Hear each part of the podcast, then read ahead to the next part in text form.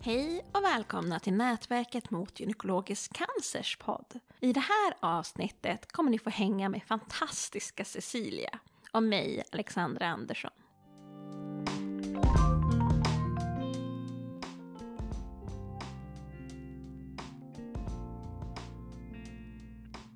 Fotbollsintresserade tvåbarnsmamman Cecilia drabbades av både livmoderhalscancer och äggstockscancer endast 35 år gammal.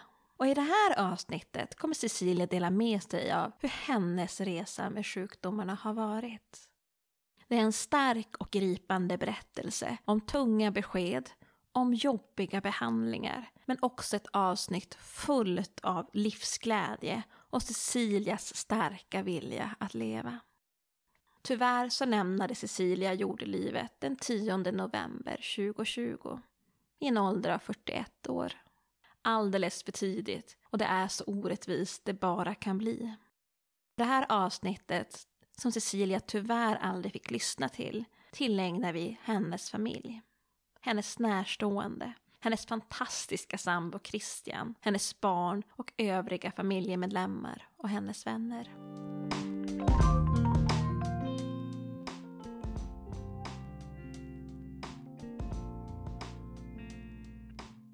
Cecilia, hur började allt med cancern? Eh, det började 2015, gjorde det, i januari. Eh, jag eh, ringde ner till gyn på Näl då, i Trollhättan på grund av att jag hade små blödningar eller blodaktiga flytningar eh, främst efter samlag. Eh, och det hade väl egentligen kanske börjat redan i november. Men jag tänkte väl mest liksom att, ah, men du vet man, jag hade separerat ifrån pappan till barnen, varit singel i ett och ett halvt år, träffat min nuvarande sambo och helt plötsligt hade man liksom ett sexliv igen. Så jag trodde väl kanske mer att jag var, du vet, ringrostig eller och så googlade jag lite på det här då med de här blödningarna och fick fram att det kunde vara klamydia, svamp, sköra slemhinnor eller cancer. Så att jag trodde väl kanske på sköra slemhinnor. Så att jag ringde väl ner till gyn och talade om det här. Då talade jag även om att min mamma inte levde längre på grund av att hon hade haft eh, äggstockscancer. Fast där vet vi inte om hon har, hade en metastas i äggstocken eller om det var en äggstockscancer, för det har vi inte fått reda på. Men jag nämnde det i alla fall och eh, sköterskan som jag pratade med skulle återkomma. Och hon ringde, kanske redan samma dag eller någon dag senare, och sa att eh, vi vill gärna ha ner dig eh, och eh, kolla detta. Liksom. Ja, ja, tänkte jag liksom då. Så att jag fick en tid, åkte ner och träffade en läkare som gjorde en gynundersökning. Och hon tog ett cellprov inifrån livmodern där hon även upptäckte att det satt en cysta på ena äggstocken. Den hade jag inte känt av överhuvudtaget. Jag hade opererat bort en cysta tidigare kanske typ 2011 eller någonting. Så att då tog de ena min äggstock, men de sparade en liten flärp som de sa för att det, det, kanske finns lite hormoner kvar i den flärpen så att de ville liksom inte, på grund av min ålder där då, så ville de inte ta bort alltihopa. Som sagt var, hon, hon såg inte konstigt hon ville bli insatt på någon tablett. Jag skulle äta tabletterna och sen skulle jag vänta i två menstruationer och sen skulle jag komma tillbaka igen. Så jag var tillbaka igen i mars och eh, då eh, tittade hon igen, då såg hon att den cystan hade växt ännu mer. Men jag kände fortfarande inte av den, den på äggstocken. Hon sa så här att jag ser fortfarande ingenting som är konstigt men jag tar ett cellprov på din livmoderhalstapp så har vi gjort det med. Alltså, du gjorde ju det för ett år sedan liksom, och det har inte varit någonting tidigare men vi gör det eh, så har vi gjort det med. Liksom. Och, och det var inte mer med det. Så jag fick ju åka hem. Jo, det, det, det hon sa till mig det var det att i och med att cystan har växt på två månader så vill jag att, eh, att den får vi ta bort, den kan du inte ha kvar där liksom. Så att eh, jag vill att du går och pratar med eh, operationssköterskan då, eller hon som eh, fixar med operationer och grejer och tar lite prover för att planera in en operation då för att ta bort den här cystan.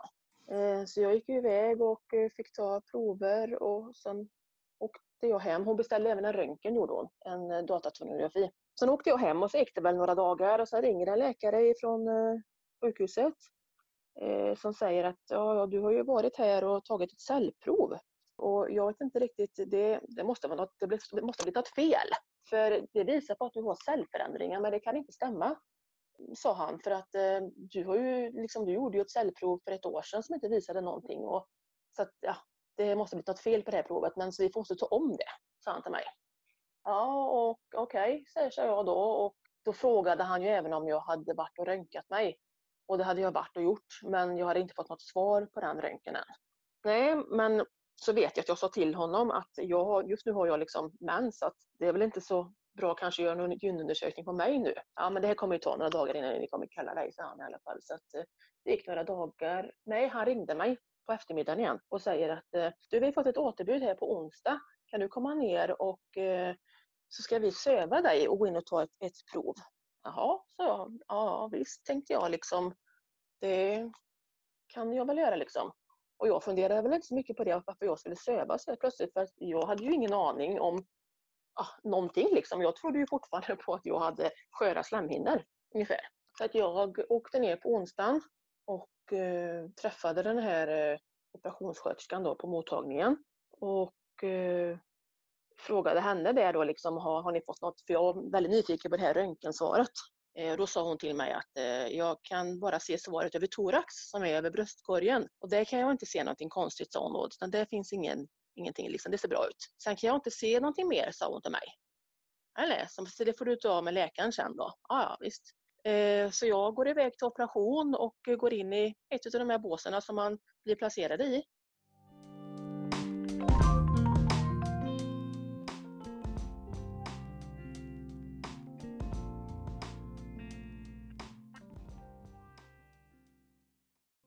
Det kommer en läkare, en läkare som jag inte har träffat tidigare eh, och sätter sig ner bredvid mig eh, och jag, om man säger så här, under hela min sjukdomshistoria så har jag alltid haft med mig min sambo överallt. Han har alltid varit med jämt och det har vi alltid fått sånt himla beröm för att han alltid är med. För det är väldigt många kvinnor tror jag som kommer själva. Men min sambo har alltid varit med.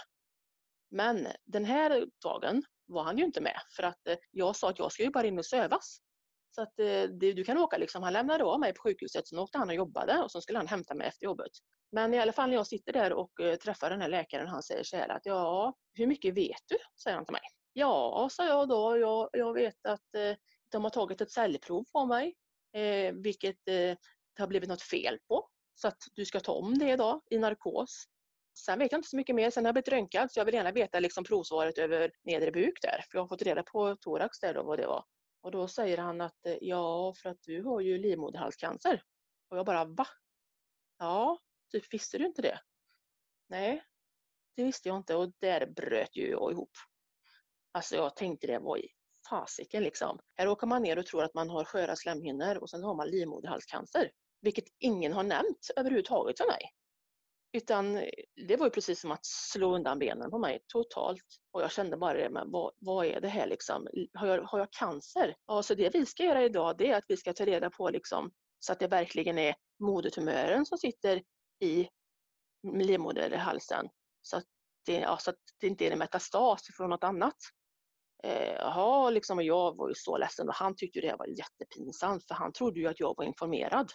Och, men det var ju som han sa att då när jag fick reda på röntgensvaret över bäckenet då, eller nedre buk, då var det ju liksom inget annat då som de kunde se än, än just livmoderhalscancern där då, där det satt då, tumören. Och alltså, ja, det, det var fruktansvärt att sitta där och skulle bli sövd och hade fått reda på att man, man hade cancer och ingen sambo med eller någonting.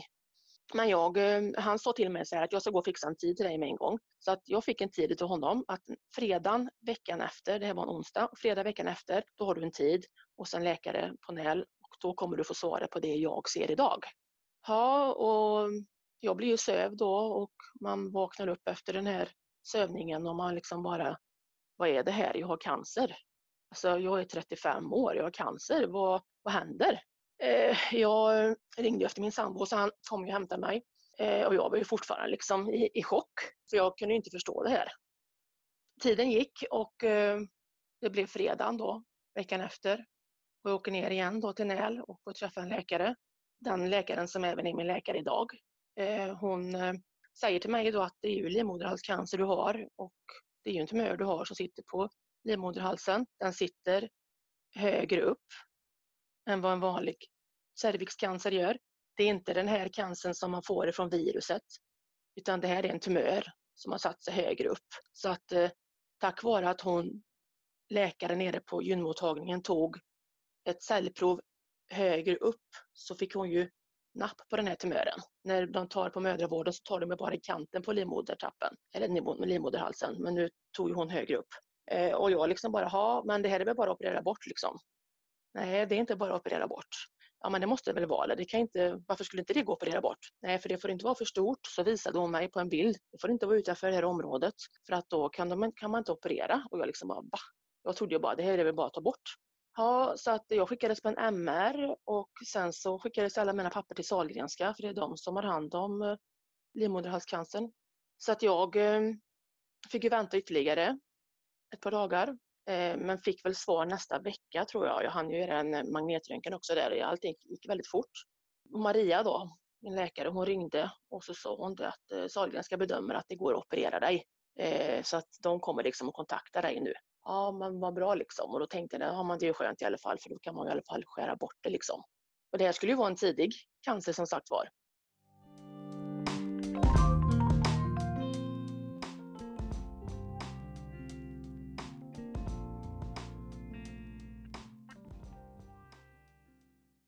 Jag eh, åkte till Sahlgrenska och blev på inskrivningsbesök och träffade eh, opererande läkare och sköterskor och sådär och jag fick en operationstid.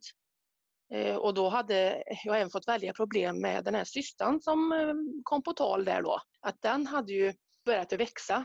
Jag blev opererad i maj, i början på maj. Eh, och i april här liksom när karusellen med eh, det här började, då kände jag liksom att det här är, det är ju något som växer i min mage liksom och jag påtalade det flera gånger liksom att det här är inte, vi har ju någonting som, jag ser ju gravid ut, vad är det här liksom? Ja men de där systrarna det får vi ta sen liksom, nu får vi fokusera på, på, din, eh, på din cancer, liksom på livmoderhalscancern. Alltså, även om det bara var några veckor det handlade om som jag gick liksom med de här systrarna så kändes det som en evighet. Det kändes som att jag skulle sprängas. Och jag vet, jag ringde liksom flera gånger och sa liksom att jag kan inte ha det så här.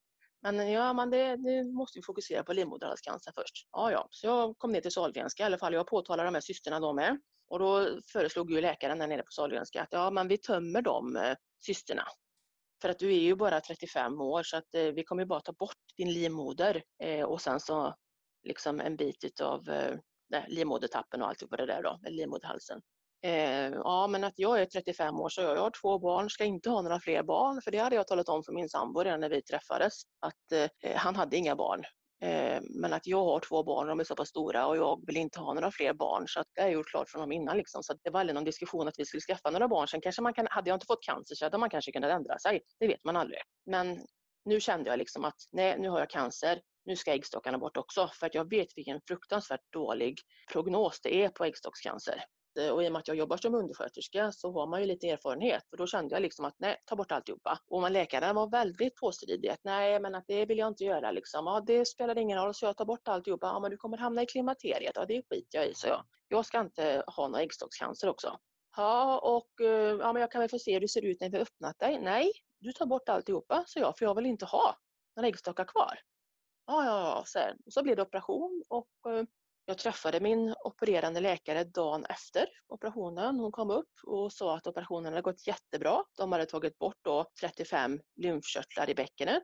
Eh, de kunde inte se att det var någon av dem som skulle vara angripen. De hade tagit med goda marginaler på livmoderhalsen, eller om man ska säga då, det är svårt att förklara, men uppe i slidan då man säger. De hade tagit så mycket som de kunde ta.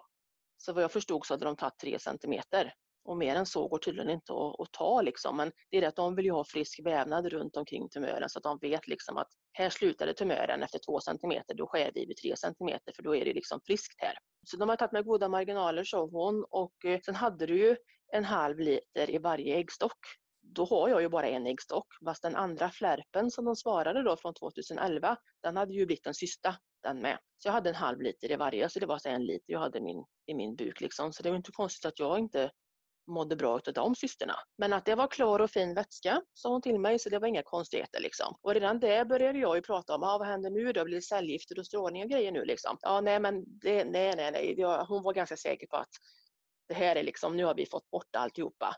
Så att det här skulle vara en botande, den här operationen skulle liksom vara en botande behandling om man säger. Sen vet man ju aldrig liksom, men att eh, hon, hon talade om för mig att eh, om två veckor kommer vi kontakta dig, men det är inte jag som kommer ringa dig utan det är någon annan för jag är ledig då. Och det gick två veckor, eh, jag hörde ingenting. Det gick tre veckor, då ringer hon samma läkare som opererade mig och talar om, de frågar hur jag mår och talar om att de har fått svaren och det finns liksom ingen spridning till några lymfkörtlar i bäckenet eller någonting. Men däremot så har vi sett på patologsvaret att eh, vi fick inte bort all cancer. För det var de väldigt noga med att tala om för mig innan när jag sa det att eh, jo men att man måste väl kunna operera bort jämt det här eller?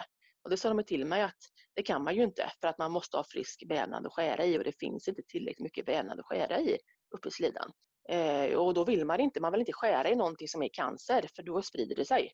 Så man kan inte skära bort hälften av tumören liksom, utan man ska ha bort alltihopa och det ska finnas frisk vävnad. Men i det här fallet här nu då så, så fanns det ju cancer ända ut där hon hade skärt. Sen var det som hon sa, att jag kan ju inte säga att vi skärde precis där det tog slut.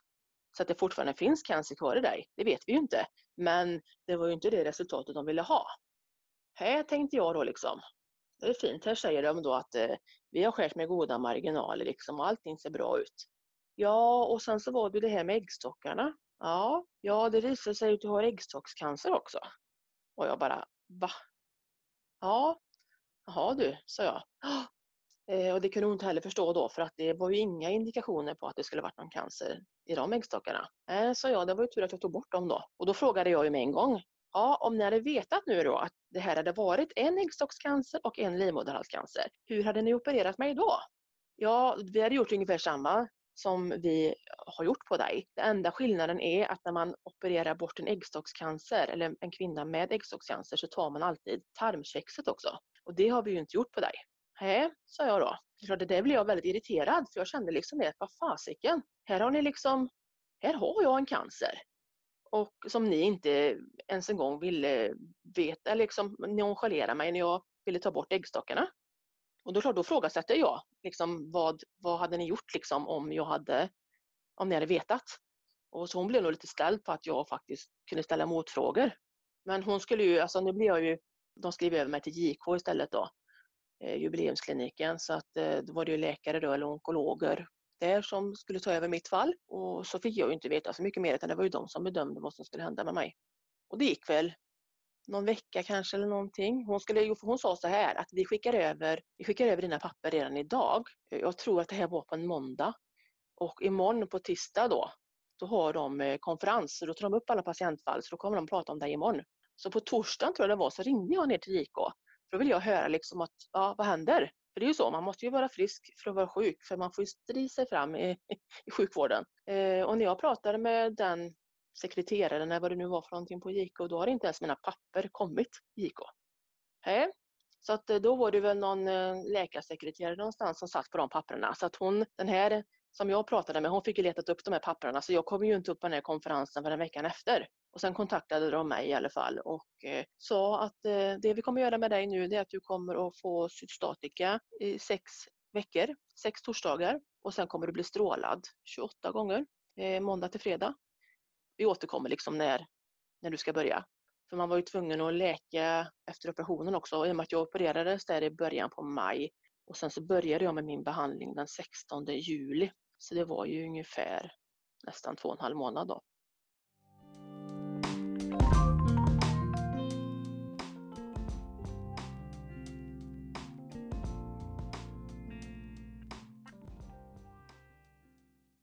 Men jag mm, kom ner till Sahlgrenska i alla fall och eh, gick igenom den här behandlingen då både med strålning och, och cellgifter, vilket var ett helvete rent ut sagt. Eh, det är topp tre av det värsta jag varit med om och då har jag gått med om, varit med om ganska mycket saker. För det första så cellgifterna mådde jag ju fruktansvärt illa utav och där har de sagt till mig att mår du dåligt, har du mått dåligt när du väntar barn? Eller har du ont utav åksjuka och sådana saker? Ja, sa jag, ja men då går vi på steg två med dig med en gång liksom. För att då är du en sån som kommer må illa. Men vet, jag mådde ju så fruktansvärt dåligt ifrån att jag kom hem efter, efter eh, cellgifterna den torsdagen tills på måndagen eller tisdagen. Och då tänkte jag, hur fasiken ska jag överleva fem omgångar till? Men eh, det gick bra för att de satte in en annan, eller jag fick en, ett dropp innan med Emend hette det och det gjorde att jag faktiskt inte mådde så himla illa de andra gångerna. Så tack och lov för det. För när man blir strålad sen som jag blev och just emot underlivet då och då har du tarmarna så väldigt nära och ändtarmen framför allt och det sa de till mig att du kommer ju få ont i din ändtarm, du kommer få diarré, du kommer inte alls att må bra. Och det gjorde jag ju inte heller. Eh, det gick ju två veckor ungefär och sen hade man ju konstant diarré. Alltså stoppade jag i mig någonting så åkte det totalt rakt igenom. Det var nästan så att det inte ens, alltså ibland kunde nästan äpplebitarna, om jag hade ätit ett äpple, komma ut hela. Jag var så svullen i ändtarmen så att det kändes som att jag hade en, en tennisboll som var uppstucken i, i ändtarmen. Det gjorde så fruktansvärt ont. Jag kunde inte varken sitta, gå eller ligga för att det var sån smärta och det, är ju, det, är ju en slags, det blir en slags nervsmärta och nervsmärta kommer man inte åt med, med morfin. Så att jag åt ju morfin naturligtvis men jag blev ju inte alls smärtlindrad. Eh, men som sagt var, veckorna gick och jag eh, fick ju de här sex omgångarna med cellgifter och eh, strålades de här 28 gångerna och jag tänkte jag kommer aldrig läka. Jag kommer aldrig läka igen. För jag hade så fruktansvärt ont. Men alltså, av någon konstig anledning så tog det väl en två, tre veckor så började ju faktiskt slemhinnorna i ändtarmen att rätta till sig. Så man blev någorlunda normal igen. Så att eh, man får ju säga det, att kroppen är ju ändå ganska fantastisk till att repa sig. Sen är det klart att den tar ju stryk. Alltså, man hade ju ont i magen, man har ju ont i fötterna, för man får ju sådana här nervsmärtor. Alltså jag har ju haft ont i tarmen sedan dess, men inte på det sättet som jag hade. För det var något fruktansvärt. Jag kämpade mig ju vidare i alla fall och jag var ju iväg på återbesök till eh, Sahlgrenska de första omgångarna där var tredje månad och allting såg bra ut. Någon gång var det någonting som inte såg riktigt bra ut. Det var någon liten grej som de såg. Så då var jag nere på sån här sövning igen då så de skrapade och eh, skickade till patologen men det var ingenting. Eh, så jag blev överskickad till NÄL och fick ju tillbaka min läkare igen då som jag hade som gav mig cancerbeskedet där då man säger då när de visste att det var livmoderhalscancer och alltihopa. Eh, jag eh, träffade ju henne då först var tredje månad men sen så blev det ju var sjätte månad. Sen var det så att varenda gång egentligen som jag var nere hos henne, alltså det är ju det när man, det låter väldigt konstigt men när man ska kolla efter återfall eller vad man nu ska säga just på livmoderhalscancer så är det inte det att du blir skickad till röntgen varenda gång utan läkarna gör liksom en, en undersökning en klinisk undersökning, eller det heter ju att de, en palpation, alltså de känner hur det ser ut och hur det känns. Och det är ju så att en eh, frisk vävnad, den ska ju när man drar med fingret över en frisk vävnad, då ska den ju följa med, så den ska sjunka in i vävnaden. Men en sjuk vävnad, den är stenhård, så den kan du inte rubba. Och det är det de letar efter, när de letar efter återfall. Eh, sen är det ju så att du är strålskadad, så att det är svårt för läkarna också. Jag har hela tiden sagt, jag fattar inte hur ni ska kunna liksom bara kunna se med era ögon och känna med era händer om jag får tillbaka min cancer eller inte. Nej, men de är ju upplärda till så här och det är ju så här man ska göra. Eh, men alltså, inte kanske varenda gång jag var hos min läkare så var det väl inte någonting, men väldigt många gånger så var det någonting som hon hittade. Hon var väldigt lyhörd och det är jag väldigt tacksam för. att så hon kunde, Jag vet inte riktigt egentligen hur många gånger. Det här var ju 2015 som jag opererades. Första gången då när jag blev sjuk om man säger. Eh, sen fick jag mitt återfall 2018 i augusti konstaterades det och då hade jag ju gått då först då var tredje månad och sen så en gång i halvåret. Så jag träffade min läkare ganska många gånger och, och, och, det var säkert i alla fall en fyra gånger som hon skickade iväg mig för att hon kände liksom att nej men här är någonting som jag tycker liksom att det ser inte riktigt bra ut liksom. Jag vågar inte släppa det här. Men jag tror väl kanske inte att det är någonting men att jag vill ändå inte släppa det liksom utan jag, jag känner att jag vill skriva till Sahlgrenska och höra vad de säger. Eh, och någon gång så blev jag ju nedkallad då igen då för att göra en sån här palpation i narkos som det heter. Och eh, det visade ju ingenting någon gång liksom. Men jag är väldigt tacksam att min läkare ändå var så pass lyhörd. Och jag, jag var hos eh, min läkare i februari 2018. Allting såg bra ut och jag skulle komma tillbaka igen då i typ augusti ungefär.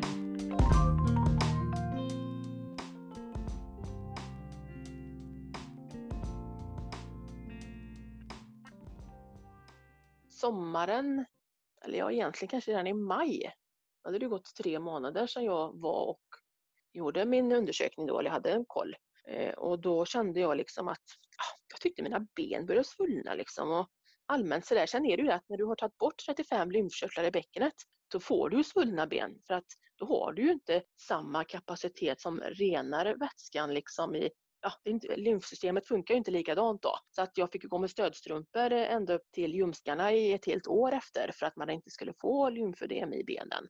Och jag tyckte jag hade fixat detta ganska bra men jag kände ändå liksom att benen började svullna lite på mig och jag började få lite ont i magen. Och sen i och med att jag jobbar då som samordnare på, för en hemtjänstgrupp då, eller hemvårdsgrupp så är det ganska stressigt. Det här var på sommaren. Alltså, många är ju hemma och är sjuka liksom för att de, ja du vet ju det, Många känner efter att oh, jag har lite ont i lilltån idag, jag kan inte gå och jobba. Och ju fler som var sjuka desto mer arbete blev det ju verkligen för oss som satt som planerade verksamheten. Hur alla skulle ha hjälp och då hade vi helt plötsligt, ja men nu är den sjuk och den hade insulinturer på sitt schema. Eh, så att hela tiden så blev det ju att man fick planera om och planera om och planera om. Det var ju jättemycket att göra på jobbet. Och jag hade ont i ryggen och jag hade ont i huvudet. Men jag kände liksom det att jag kan ju inte sjukskriva mig. Eh, utan det, det, det rullar ju på liksom.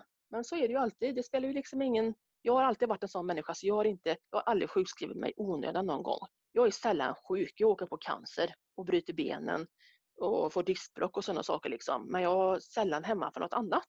Så jag kämpade ju på där liksom och jag och min kollega vi hade det jättetufft den sommaren. Liksom. Men så är det ju. Liksom. Det funkade på. Vi löste det liksom. och vi hade ju jättebra kollegor som arbetade. De slet ju jättemycket också. Liksom. Så det var inte bara vi som slet på kontoret. Men just att jag tänkte ändå det liksom, att jag mår inte bra. Eh, men sen så tog ju semesterperioden slut då. Så att, eh, då tänkte jag det att eh, jag får nog ringa ner till Gyn och kolla när jag ska komma nästa gång. För jag visste att jag hade en tid i augusti liksom. Men jag vill ju veta, är det nu någon gång inom en vecka eller är det liksom om en månad? Eller när tänker de? Så jag ringde ner till Gyn i alla fall och fick prata med dem, med läkarsekreteraren då som planerar eh, tider. Och eh, hon eh, säger att nej, det finns inga tider förrän i september. Eh, men då får jag ringa upp till onkologmottagningen och få en akuttid där, sa jag, för att jag kan inte vänta till september. Och sen är det ju så, de har ju sagt till oss att ni måste vara väldigt observanta på förändringar i er kropp. För det är ni som ska kunna tala om för oss att det här är någonting som har hänt. Det här är inte som det brukar. Då vill vi att ni ringer oss och säger detta, så får ni komma in på en koll. Men är allting som det ska, då är det inga problem. Liksom. För du kan gå, du behöver inte komma liksom var sjätte månad. Det kan gå åtta månader också, bara du mår bra. Så det är inga problem. Men du måste höra av dig om du inte mår bra. Och det är klart att jag skulle väl kanske hört av mig lite tidigare. Jag ringde i alla fall upp till Tyn och fick en tid dagen efter redan. Så jag och min sambo åkte ner och eh, min läkare då kom och eh, satte sig bredvid, det satt ute i väntrummet. Satte sig bredvid, det var bara vi här och så frågade hon hur det var med mig. Och då sa jag det att ja, det är inte bra Maria, sa jag. Liksom, det, här, det känns inte okej okay, det här. Det är någonting som inte stämmer. Ja, sa hon då, det låter ju inte bra men det är ju jättebra att du hör av dig själv. Liksom. Det är precis det här vi vill att ni ska göra. Eh, sen kan jag tycka också, det har jag också frågasatt också någon liksom att för när man har cancer och har varit drabbad av det, då kan man ju bli lite så här också, gud nu har jag ont där också, vad är det för något då? Har jag fått cancer där med nu? Eller nu har jag ont på, den, på det benet också. Liksom. Man kan ju bli lite så här att, ja, men man måste släppa det. Man kan inte tro att allting är cancer, utan man måste vara observant på de allvarliga grejerna som händer med ens kropp. Liksom. Men jag blev i alla fall undersökt och eh, det var som Maria sa att jag ser här att eh, det ser inte bra ut. Så jag tror att du har fått ett recidiv och recidiv är ju ett återfall. Och det var ju som jag sa innan, jag kände det på mig liksom att det är någonting som inte stämmer. Men eh, så hon tog några sådana här biopsier då och skickade iväg till patologen och det är sådana biopsier som hon har tagit tidigare också då som inte har visat att det har varit någonting. Men nu kände hon liksom att det var väldigt hårt då, speciellt åt, eh, åt höger sida. Sen var det som hon sa, jag hoppas ju att jag har fel. Men jag vill ändå vara så pass ärlig mot dig och säga liksom att det här ser inte bra ut. Precis samma som hon kunde säga kanske typ ett år innan att jag tror inte att det här är något återfall men jag vill i alla fall skicka iväg det här ifall att. Men, men jag tror inte att det är något återfall men jag vill göra det här för att vi ska vara säkra. Precis så ärlig var hon ju mot mig fast tvärtom nu då att jag tror att det här är ett återfall. Och det uppskattar jag ju väldigt mycket och vi har jättebra kontakt jag och min läkare. Jag tycker jättemycket om henne. Det skickades iväg i alla fall. Eh, sen vill hon ju röntga mig igen då och göra en ny datortonografi och när man ska göra en datortonografi så måste man ta ett eh, kreatinin. Eh, det är för att kolla njurfunktionen för att man får så pass mycket kontrast när man gör en datortonografi och då måste liksom njurarna palla det. Så de, eh, de tar ett eh, krea på mig i alla fall och jag åker hem. Sen ringer de väl några dagar senare och säger att de har fått svar på det här kreatininet då. Nu ska man väl normalt då som en kvinna kanske ligga mellan, kan inte riktigt, men om det kan vara mellan 50 och 90 kanske i krea eller något som är normalt. Jag hade i alla fall nästan 200 och det är inte normalt. Så då blev de väldigt fundersamma på vad är det här nu då? Så att eh, då ville de göra ett ultraljud på mina njurar. Så jag eh, fick väl åka ner några dagar senare och göra detta. Då visade det sig att det var stopp i min urinledare på höger sida så att all urin åkte inte ner i urinblåsan utan det blev kvar i njurbäckenet. Vilket gjorde att det stod och stasade där så det blev ju ett jättetryck på njuren. Så det var ju därför som mitt krea hade blivit så pass förhöjt. Eh, så jag blev ju inlagd och jag åkte ju, ja, jag jobbade ju fortfarande då. För att det här med att man hade ett recidiv, det är ju ingenting som jag sjukskriver mig för liksom, utan jag jobbade ju. För att jag tänkte det, jag behöver ju liksom inte sjukskriva mig förrän den dagen som jag ska börja med någon behandling eller någonting. Så, sån är jag jag hade en, faktiskt en kollega som körde ner mig, för de ringde ju på till jobbet och frågade om jag kunde komma ner om en timme eller någonting och göra det här eh, ultraljudet. Så jag hade faktiskt en kollega som följde med mig ner. Hon frågade liksom att vill du att jag åker med? Och, eh, och jag bara jättegärna liksom, för min sambo han låg ute på veckorna så han var uppe i Örebro. Så han kunde inte ta sig hem liksom. Så hon, hon följde med mig i alla fall, vilket var jättetur för jag blev ju inlagd. Så hon fick ju ta min bil hem sen. Så att jag eh, blev inlagd på avdelningen, på gynavdelningen och eh, där tog de även blodtrycket på mig. Då hade jag 220 genom 120 så det fick jag ju svar på varför jag hade ont i huvudet. För jag gick med ett jätteförhöjt blodtryck och det är ju det, när det stasar så i njuren då får du ett förhöjt blodtryck. Så att eh, det de gjorde med mig där det var att jag, dagen efter så skickades jag till Uddevalla och de skulle sätta in jag tror det heter pigtail eller någonting i urinröret för att vad ska man säga, det, det, är en grej som, du tänker du sätter in ett rör i, i, i, i urinledaren för att det ska liksom inte tryckas ihop så att det ska bli flöde igen så urinen kan rinna ner. Så det skulle jag få i alla fall för att eh, det finns det man kan få, så kan man även få en eh, p-kateter som det heter. Då har du en kateter rätt in i, i ryggen, in i njuren. Men det här är ju mycket smartare då för då slipper man ju ha en kateter utifrån då utan då sitter ju den här plastgrejen då i urinledare, eh, eller vad urinledaren där då. Så jag eh, åkte till Uddevalla i alla fall, eh, vilket det visade det sig då, för det blev man ju sövd då för att få in den här grejen. Och då visade det sig att på höger sida kunde de inte ens få in det här röret. För att det var så, den var så förstörd den urinledaren. Och det är ju för, då för att livmoderhalstumören som nu sitter i slidväggen, den låg ju troligtvis och tryckte på urinledaren antingen det eller så har urinledaren blivit sönderstrålad. Det vet man inte riktigt för det är så. Alltså urinledarna ligger ju också och även blåsan ligger ju också nära eh, just eh, tarm och alltihopa som tar skada utav strålningen. Då sa de till mig att du, du kommer att få en, eh, en p-kateter som det heter då i, i, i den njuren istället. Ja, så jag åkte tillbaka till Näl igen och jag tror det var dagen efter så fick jag insatt den här p-katetern då i eh, ryggen går in i ryggen och in i, i njurbäckenet. Sätter en slang så att istället för att du har typ en kateter i, i urinblåsan så sätter de den i, i njurbäckenet då istället. Eh, och det stod ju jättemycket urin och stasade där liksom. Så det bara sprutade när han stoppar in den här. Eh, det här körs ju då bara med lokalbedövning. Också en, en, en smärta som man ska gå igenom. Eh, med lokalbedövning och det var ju inte jätteskönt för det är klart att lokalbedövning det bedövar ju bara huden när de sticker igenom den här stora nålen och slangen. Det bedövar ju inte in i kroppen. Men eh, jag fick då den eh, katetern där i alla fall och eh, ja, ja, då hade jag ju liksom den och det var inte mer med det.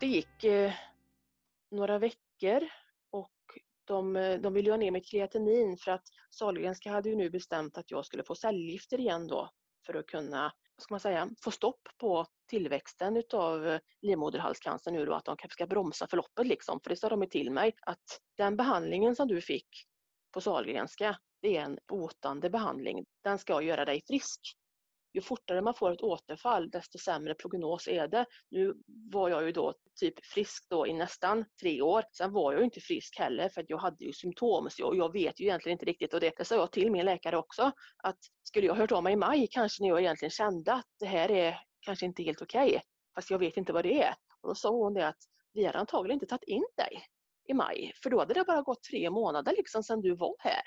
Så att du har gjort helt rätt liksom. Du kunde inte gjort på något annat sätt. Sen är det klart att hade jag ställt mig utanför och skrikit och sagt att ni måste undersöka mig efter tre månader så hade de gjort det naturligtvis. Men jag hade ju inte jätte, alltså de, de största symptomen, om man ska säga, de kom ju inte förrän i augusti liksom. Och det är klart att det var ju huvudvärken då framför allt och lite ont i magen och det var ju på grund av mitt höga tryck där då. Men Ehm, de ville i alla fall inte börja med de här cellgifterna förrän de fått ner mitt kreatinin och det gick inte ner tillräckligt fort. Så att efter några veckor så hade det inte gått ner till mer än 150 och det skulle ju avgöra min behandling. För antingen så kunde jag få någonting som heter veckotaxol. Då skulle jag få cellgifter en gång i eh, veckan i sex månader. Eller så kunde jag få någonting som hette eh, Carboplantin och Taxol och det fick man var tredje vecka och det skulle man få sex omgångar utav då. Så det blir typ fem månader. Den var ju den bästa behandlingen om man säger då, den var tredje vecka. Men den kunde jag inte få då om jag hade för högt krea. Så mm, det slutade med att de fick sätta en p-kateter även på vänster njure. Och när de gjorde det, då sjönk kreat. Sen har inte kreat sjunkit mer än kanske, ja, jag har väl legat ganska stadigt runt kanske 115-120 ungefär, men det var i alla fall tillräckligt bra för att få behandlingen.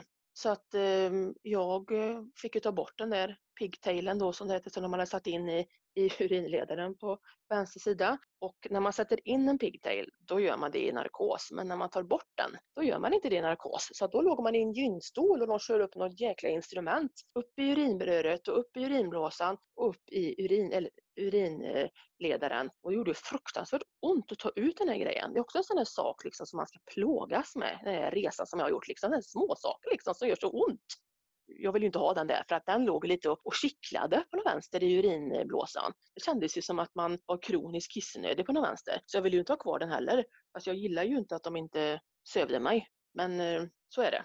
Eh, det som inte dödade härdar brukar jag säga. Men eh, kreat sjönk. Jag kunde börja med mina behandlingar. Jag började 3 oktober på min födelsedag när jag skulle fylla då 39 var det. Första behandlingen den fick jag ju vanligt då in i armen. Sen fick jag inopererat en eh, portakart. Det är en eh, metalldosa som opereras in under huden, under nyckelbenet. Eh, som, det går en slang ner till en av förmakarna.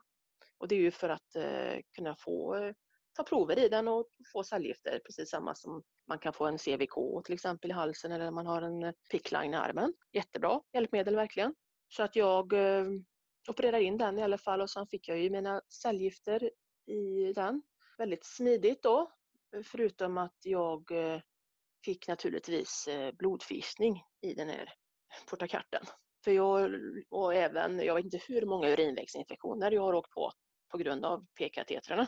Men eh, det är också så bieffekt, för det är klart att när du får cellgifter då sjunker de vita blodkropparna och då är man ju mottaglig för att få andra infektioner i alla fall, jag, jag, fick ju tre behandlingar där och så skulle jag utvärderas, eh, för det är ju så, man får ju halva behandlingen så utvärderas man. Och eh, det hade nog kanske krympt lite grann, tror jag, utav de här tre omgångarna med cellgifter då. Jag mådde ju fruktansvärt dåligt av de cellgifterna också. Eh, illa, tappade håret, alltså svullen, inga ögonfransar, inga ögonbryn. Man såg ju bedrövlig ut. Jag fick en peruk, men den använde jag inte många gånger utan jag hade oftast bara mössa på mig eller någon sån här eh, sjalett eller någonting. Mina barn hade väldigt ont av det där i början. De tyckte inte om att se mig utan, eh, utan mössa eller någonting. För det är klart att även om man kanske verkar pigg när man pratar alltihopa så ser man ju sjuk ut när man har, inte har något hår. Så enkelt är det. Så mina barn hade väldigt ont utav detta. Så att ofta hade jag på mig mössa och sånt inne. Sen så vande de sig också till slut.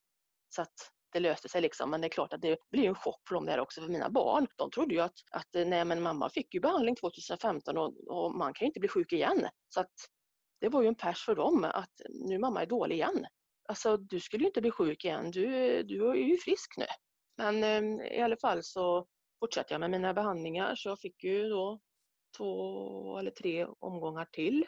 Eh, och så fick jag då blodförgiftning då så att jag blev inlagd och när man får blodförgiftning då och speciellt då i en sån här portakart då, då tar de ju bort den. Så de opererade bort den så jag tror att sista omgången med cellgifter där då i januari, den fick jag nog eh, typ vanligt i armen. Sen är jag jättesvårstucken så att eh, jag får oftast åka ner till operation och det är någon operationsläkare eller någon sån här narkosläkare som får sätta nålar på mig med ultraljud. Så att det är inte många på, på NÄL som inte vet vem jag är. För det här namnet och personnumret det, det står på ganska många ställen överallt. Så att eh, det, det är nästan så att man har blivit kompis med, med personalen där nere. Men i vilket fall som helst så fick jag sista omgången med cellgifter där i alla fall i januari. Blev röntgad igen och eh, helt plötsligt, alltså Ja, där hade jag ju ställt in mig på att du har ett återfall i livmoderhalscancer. Det är alltid, alltså det går inte att bota det, men vi ska försöka liksom att mota det istället liksom och hålla det i schack. Eh, så man har liksom börjat leva med tanken att jag kan inte bli frisk, men jag ska leva så länge som möjligt med eh, kronisk cancer. Det var inte att jag föll liksom, visst man får väl benen undanslagna naturligtvis, men jag kände ändå att, att jag eh, jag tappade inte hoppet bara för att eh, jag har kronisk cancer. För att jag tänkte jag tänker leva många år med det i alla fall. Utan det, det, nu får de här cellgifterna hjälpa mig liksom. Och eh, helt plötsligt så när de röntgade mig då efter den här sista omgången så visade det sig att eh, tumören i slidväggen hade krympt väldigt mycket mer än vad de trodde att den kunde göra. Så att eh, återigen så togs jag upp på konferens på Sahlgrenska där de bestämde sig för att eh, operera mig. Och eh, den här operationen skulle göra mig frisk. Då ska det tilläggas att min äggstockscancer var i stadie 1C och min livmoderhalscancer var i stadie 1B, vilket är väldigt tidiga cancrar. Så att egentligen så ska de inte ens komma tillbaka. Men just att det, utan man ska bli frisk för att när det är så tidigt, men inte i mitt fall.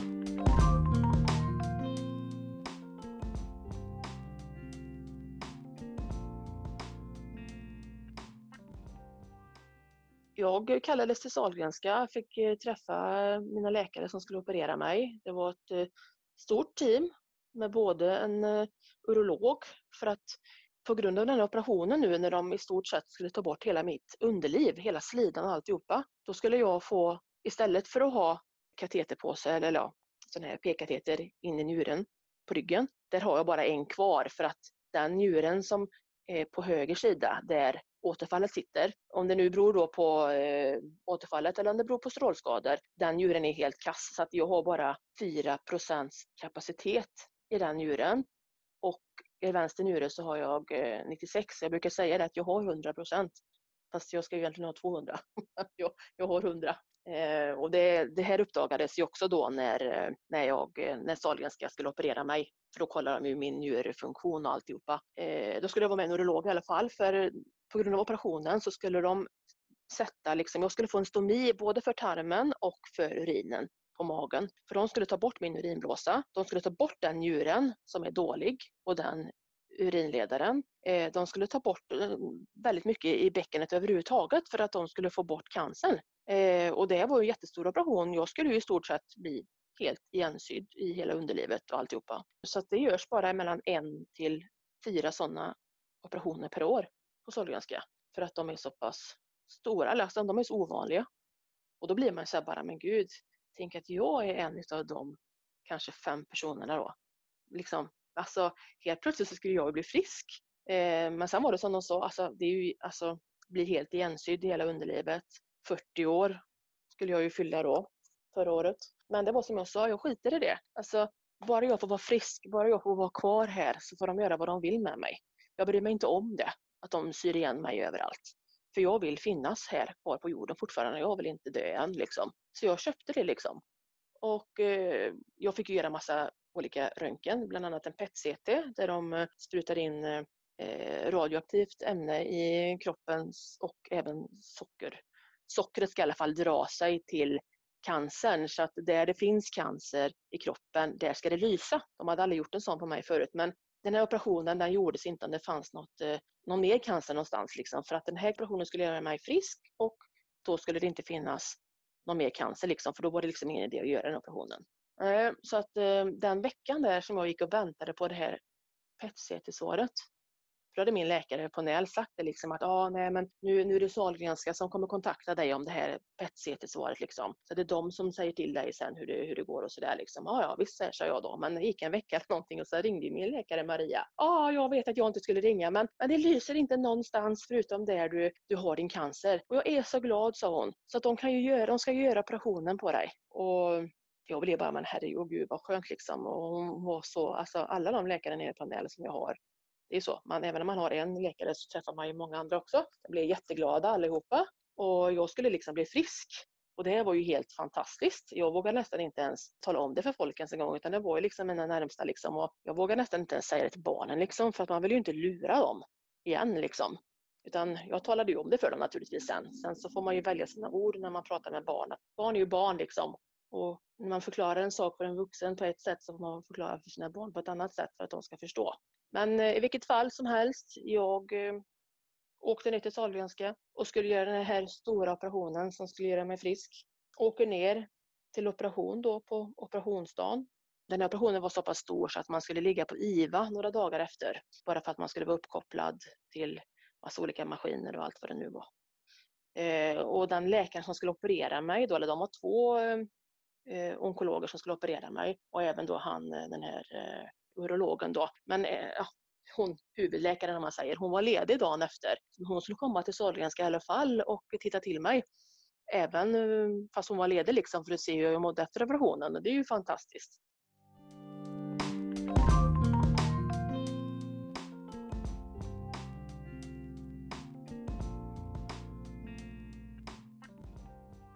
Men eh, jag blev sövd i alla fall och vaknar upp och jag visste ju att den här operationen skulle ta ganska många timmar. Klockan var nio ungefär när någon sövde mig. Eh, jag vaknar upp och tänker att eh, klockan kanske borde vara i alla fall kanske någonstans mellan fyra och sex på eftermiddagen, kvällen där.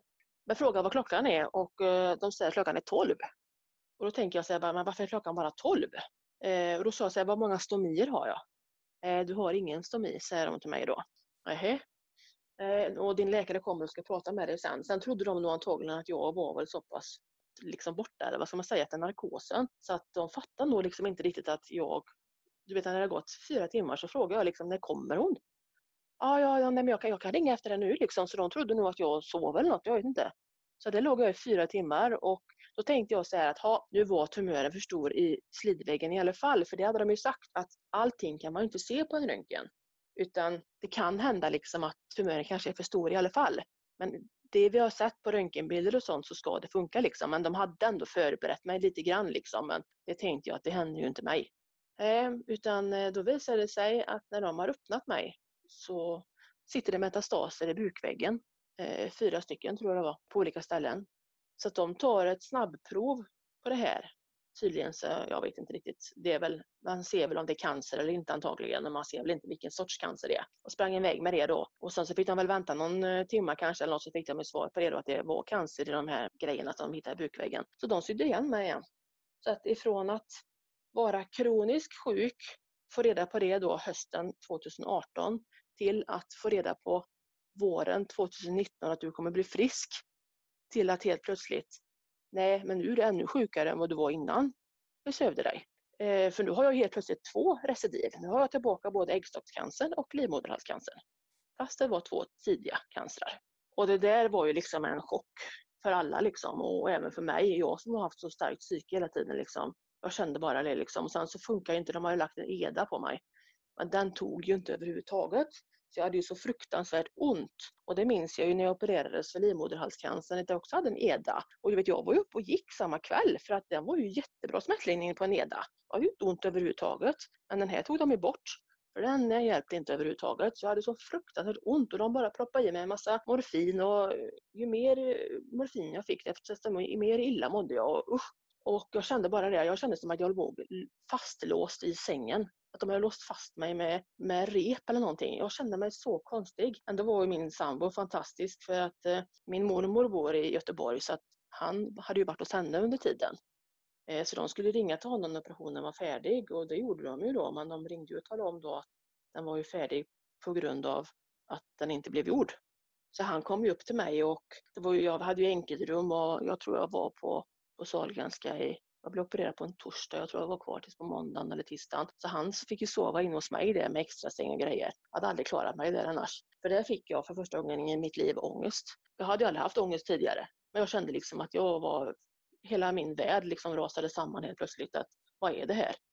Liksom, varför? Varför kunde det inte bara lysa på den här PET-CTn att det var metastaser i bukväggen så de slapp och öppna mig. För jag menar, även om de inte hade opererat mig så har de skärt i mig. Och det, det är ju det som gör ont. Och då blir man sig bara, varför kan jag inte ha någon tur någon jäkla gång? Alltså då var det bättre att jag hade lyst och de hade sagt det att nej tyvärr så sitter det ju metastaser i bukväggen på dig så att eh, vi kan inte göra operationen. Ja men fine, då hade jag köpt det. Nej, utan det, sen ska man plågas och öppnas så att man ska få lida lite till. Liksom. Det, så, jag blir så irriterad för att jag har sån otur hela tiden, även fast jag har modet uppe. Så jag mådde väl lite dåligt i några dagar där, liksom. men sen så rättade det till sig också. Sen var jag tillbaka på NÄL igen då för att då blev det ju så att då blev jag insatt på veckotaxol istället. Och det var ju det jag skulle fått om jag inte skulle fått den behandlingen som jag fick på vintern där. Utan det var det de kunde erbjuda nu och det var veckotaxol och varannan vecka skulle jag få någonting som hette Avastin. Och Avastinet det skulle göra att inte cancercellerna fick någon näring, liksom att det ströp Liksom, de kunde inte matas liksom, utan det ströp näringen till dem. Så det skulle vara väldigt effektivt, sa de till mig då.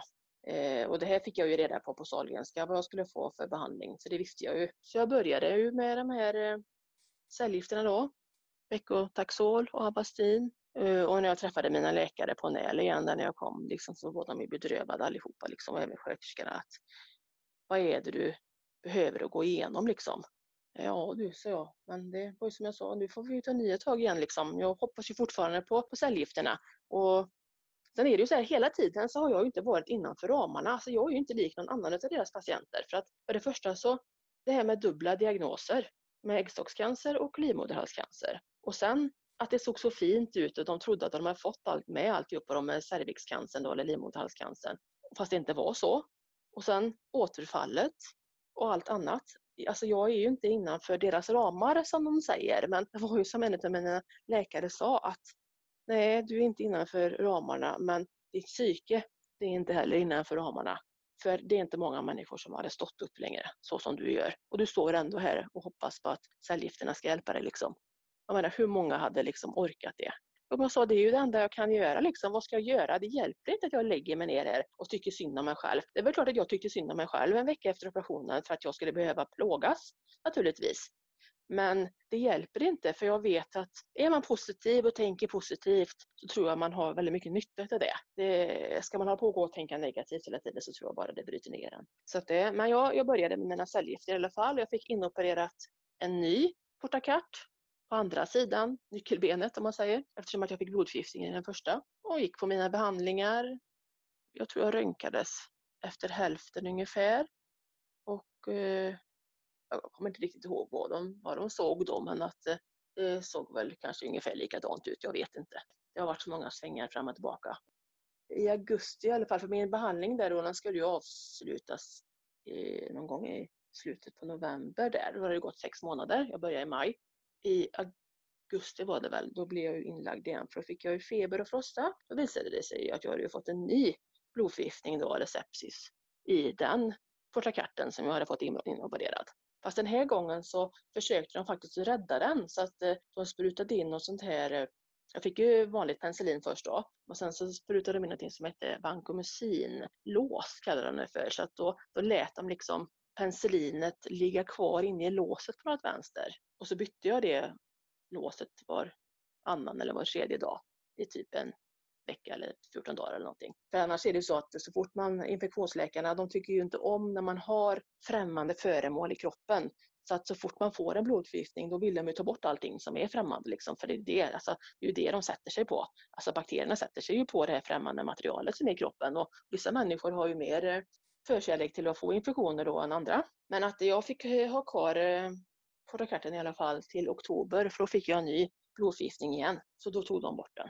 Så att eh, då fick jag insatt en pickline i armen istället.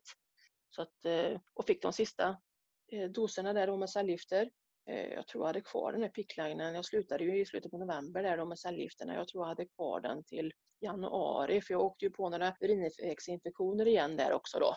Någon gång när jag har haft urinvägsinfektion så har jag blivit inlagd. Så att har jag haft blodförgiftning då har jag legat inne i 14 dagar. Har jag haft urinvägsinfektion då kanske jag bara legat inne i en vecka och sen har de kunnat eh, gå över ifrån intravenöst penicillin till tabletter istället. Men det har de inte kunnat göra när jag har haft blodförgiftning så att då har man liksom varit tvungen att ligga inne istället. Och så där, så att, eh. Men eh, jag fick ta bort picklinen i alla fall i, i januari Och jag var ju på en undersökning hos min läkare i december där då efter avslutad behandling och eh, ja, det, och kände och klämde och sådär. Det röntgades ingenting då. Vilket nu jag i efterhand kanske skulle stått på mig att jag ville gjort en MR. För nu när jag kom tillbaka igen till eh, min läkare i mars, då kände jag ju också liksom att det här känns inte bra. Det är någonting nu liksom som inte stämmer. Igen liksom. Och eh, då röntgade hon ju mig. Hon kände ju själv, men alltså, sen är det så här att det är inte så lätt att hålla på och göra de här undersökningarna för hand längre. För det första så har du, är man ju strålskadad och man har fått mycket cellgifter och det är inte så lätt att se vad som är sjuk och frisk vävnad längre. Så jag, eh, hon, hon undersökte mig i alla fall och så skickade hon mig på en röntgen. Och sen, då här var i mars, då hade jag inte fått några cellgifter på tre månader. Eh, och när vi fick röntgensvaret där då, då visade det sig ju att jag hade fått en metastas, sitter på urinledaren, den urinledaren som är dålig då, som skulle tagits bort om jag hade blivit opererad. Och så sitter det även någon mer metastas någonstans runt tarmen tror jag, eller ja, jag vet inte riktigt var den sitter, men i vilket fall som helst så gör den metastasen att det trycker i min ändtarm. Så att jag eh, har ju liksom känt mig kroniskt bajsnödig liksom. Spelar ingen roll om jag varit på toaletten så känns det ändå som att jag inte har tömt mig liksom, att det ligger och trycker den smärtan har ju varit fruktansvärd. Det här, och det här var ju också mitt i den här coronapandemin som började blåsa upp. Så att ha, för det första då, jättemycket värk i sin tarm. Du vet att du har fått nya metastaser i, i magen. Du vet att du antagligen ska börja med nya cellgifter. Och sen så är coronan på detta. Det gjorde liksom att jag som har varit så stark hela tiden i dessa fem år, jag bröt ihop fullkomligt här. Så att jag jag blev så dålig liksom och läkarna ville lägga in mig på lasarettet och jag sa det aldrig i livet att ni lägger in mig på ett lasarett där ni har corona. Alltså, här ska jag försöka att leva så länge som möjligt med eh, kronisk cancer och så kommer den här jäkla coronan.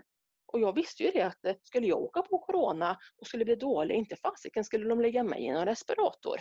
För jag menar, de prioriterar ju inte mig, för jag menar, jag är ju redan sjuk. Och de skulle antagligen anse liksom att inte jag skulle klara av att ligga i respirator. Och det är det som är, alltså det, det var nog det som tog, alltså det, det slog undan benen på mig. Att jag kände liksom att fasiken liksom, och det var ju så hysteriskt där i början liksom och jag visste nästan inte ens om jag, jag, och det är så, jag är ingenstans än. Jag är inte handlar, jag är inte i någon affär, Jag är, träffar jag någon så träffar jag dem ute. Eh, jag visste inte ens om jag kunde ha mina barn här. Och jag sa till eh, mina barn att så fort ni känner att ni är förkylda eller någonting så måste ni åka till pappa med en gång. Liksom. Så det är ju fördelen med att man har delad vårdnad, att de har ett hem till. Nu har det inte blivit så. Eh, men just att det tog knocken, liksom. det var det, det slog undan benen på mig. Så jag blev så dålig psykiskt så jag kände liksom det att nej, jag skiter i det här. Jag orkar inte ja, det finns ingen plats kvar för mig här på den här jorden. Liksom, för jag känner liksom att eh, jag får bakslag efter bakslag efter bakslag hela tiden. Men eh, jag har fått fantastisk hjälp. Alltså, de vill ju lägga in mig då för att kunna ha både psyk och gyn och smärtenheten då samlade så att de skulle kunna ställa in. De hade ju tänkt att de skulle lägga en EDA på, EDA på mig så att jag skulle bli av med den här smärtande tarmen. Så jag skulle kunna få sova liksom, för jag kunde ju inte sova. Jag kunde inte göra någonting. Men jag stod ju på mig och sa det, nej jag vill inte åka någonstans, jag ville vara hemma. Jag gick bara runt här ute i trädgården, runt.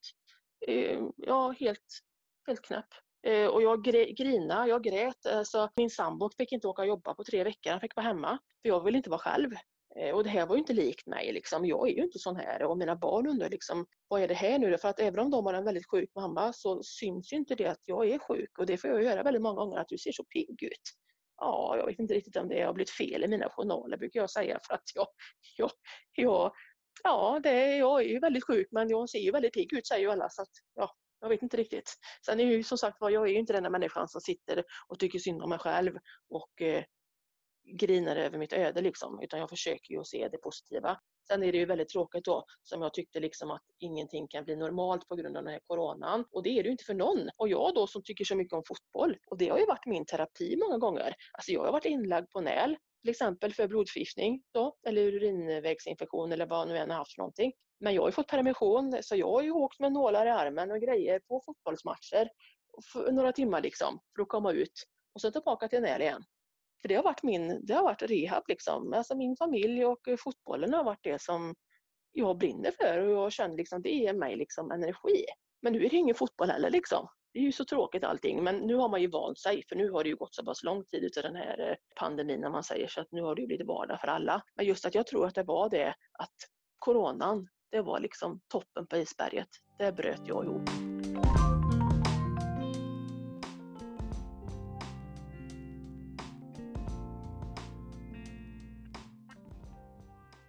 Jag har fått fantastisk hjälp så jag äter eh, tabletter för eh, nervsmärta i tarmen som eh, smärtenheten har satt in på mig.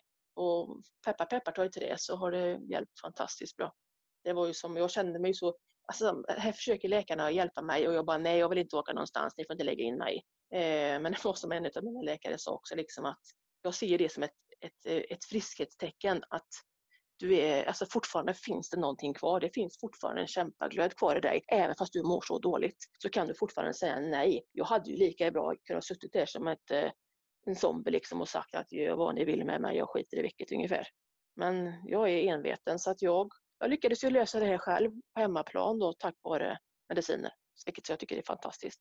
Så att, eh, men eh, det är som de säger, både mina sköterskor och läkare, liksom att du har varit så positiv hela tiden liksom, och någon gång måste man bryta ihop. Och det är inte det att jag sitter där hemma och är glad varje dag. Det är klart att jag också gråter över mitt öde naturligtvis. Jag tycker det är skittråkigt och tragiskt att det ska vara så här. Alltså, jag är 40 år, har två barn liksom, och har ett jättebra liv, en underbar sambo liksom. Och sen så ska man inte kunna få njuta av det på grund av att man är sjuk i cancer.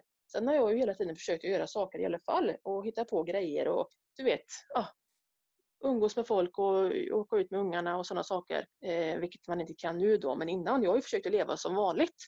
För jag har ju inte sett att det här har kunnat hindra mig på något sätt, min sjukdom, utan jag har ju liksom kanske tänkt så här att det är så mycket mer jag vill göra utav mitt liv. Att nu vill jag ju kunna göra mer saker. För nu vet man ju liksom inte. Visst, jag kan ju bli överkörd utav en bil imorgon. Men jag vet ju att cancern antagligen kommer ta mitt liv en dag. Så enkelt är det ju. Sen är det som folk säger att ja, men jag vet inte om jag heller lever imorgon. Nej, men du har inte en sjukdom i din kropp som är dödlig. Alltså det spelar ingen roll hur folk än säger. Alltså jag vet ju det, händer det inget annat med mig innan så är det ju cancer som kommer ta död på mig. Så är det ju liksom. Men jag känner ju att jag vill ju kunna göra så mycket som möjligt innan den gör det. Eh, men nu i alla fall så är jag ju insatt då på ytterligare en omgång med cellgifter som jag får var fjärde vecka. Så nu går jag på någonting som heter Carelyx. Så nu har jag en ny pickline i armen. Jag eh, har eh, fått tre, fyra omgångar. Jag ska, jag ska få sex omgångar, men nu har jag fått fyra omgångar. Jag ska röntgas på måndag och ser de då att det har krympt eller att det inte är någon förändring, då kommer jag få fortsätta med de andra två doserna som är kvar. Men har det inte hänt, liksom, har det växt eller någonting, då kommer de avbryta för att då har inte den här sortens cellgifter hjälpt. Sen är det ju så med de här cellgifterna att alla cellgifter man får har ju olika biverkningar. Alla cellgifter i stort sett har ju biverkningar så att du får ont i fötterna. Eh, och det är klart att nu har jag ju fått eh, ganska många olika cellgifter så det är klart att jag har ont i mina fötter. Peppar peppar, inte så, så att jag inte klarar av att gå men jag äter ju morfin varje dag för smärtan naturligtvis. Eh, Avastinet som jag fick då tillsammans med eh, då förra sommaren fick de avbryta efter, ja det var nog då när jag tog bort, när jag fick blodförgiftningen där i, i oktober igen så såg läkaren när hon tog bort eh, portakarten att eh, det fortfarande var sårvätska kvar efter att de hade satt in den. Så att eh, det hade ju inte läkt. Och det är ju det som är med Avastinet, att det gör ju att du får en väldigt mycket försämrad läkningsprocess. Och så där, så att de, de av, jag fick ju inte mer än ja, jag vet inte hur många doser jag fick. Kanske jag skulle fått en 12 stycken, jag kanske fick sex möjligtvis. Så att eh, den, den avbröts i alla fall, så jag fick ju bara Veckotaxol där. Det, det är ju så, det är många skrämmande biverkningar med alla cellgifter. Så att kroppen tar ju väldigt mycket stryk och jag är ju glad att den fortfarande håller ihop. Eh, och nu hoppas jag ju verkligen att de här cellgifterna kommer att hjälpa mig. Att de har liksom antingen bromsat förloppet eller att eh, det till och med har krympt. För då får jag två omgångar till. Sen är det ju så. Sen är jag, ska jag ju bli kontrollerad var tredje månad så att man lever ju på något sätt de här tre månaderna som är mellan varje besök hos läkaren. För att har man nyss varit hos doktorn och hon säger att ja, men det ser bra ut, ja, men då lever man ju tre månader till tills man ska dit nästa gång. Så att, eh, vi, får, vi får hoppas på det bästa som sagt var. Jag tänker i alla fall leva så länge som möjligt med kronisk cancer. Det har jag gett mig skam på. Och jag hoppas att att min positivitet och att min kämparglöd som jag har hjälper mig i detta.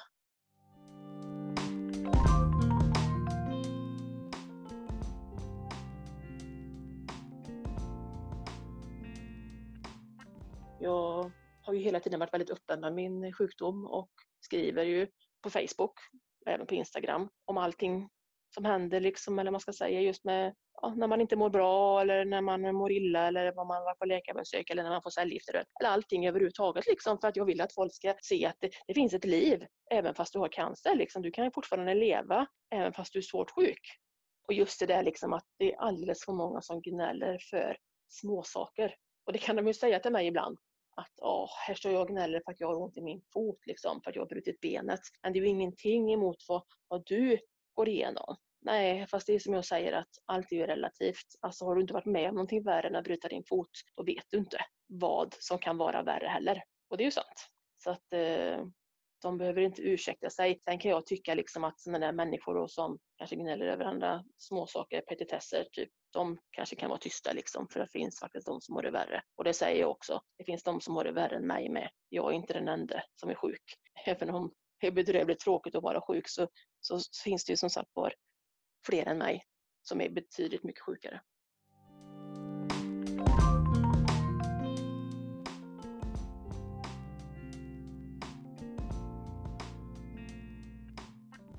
Jag tänker att mycket av beskeden som du fick, särskilt i början, var ju över telefonen. Ja, sen är det så här att det har jag faktiskt valt själv många gånger. För jag har faktiskt sagt till dem att ni kan ringa mig. Eh, för nu det här sista beskedet nu då, när jag fick reda på att jag eh, att det hade växt igen nu då, om man säger, för att jag hade uppehåll.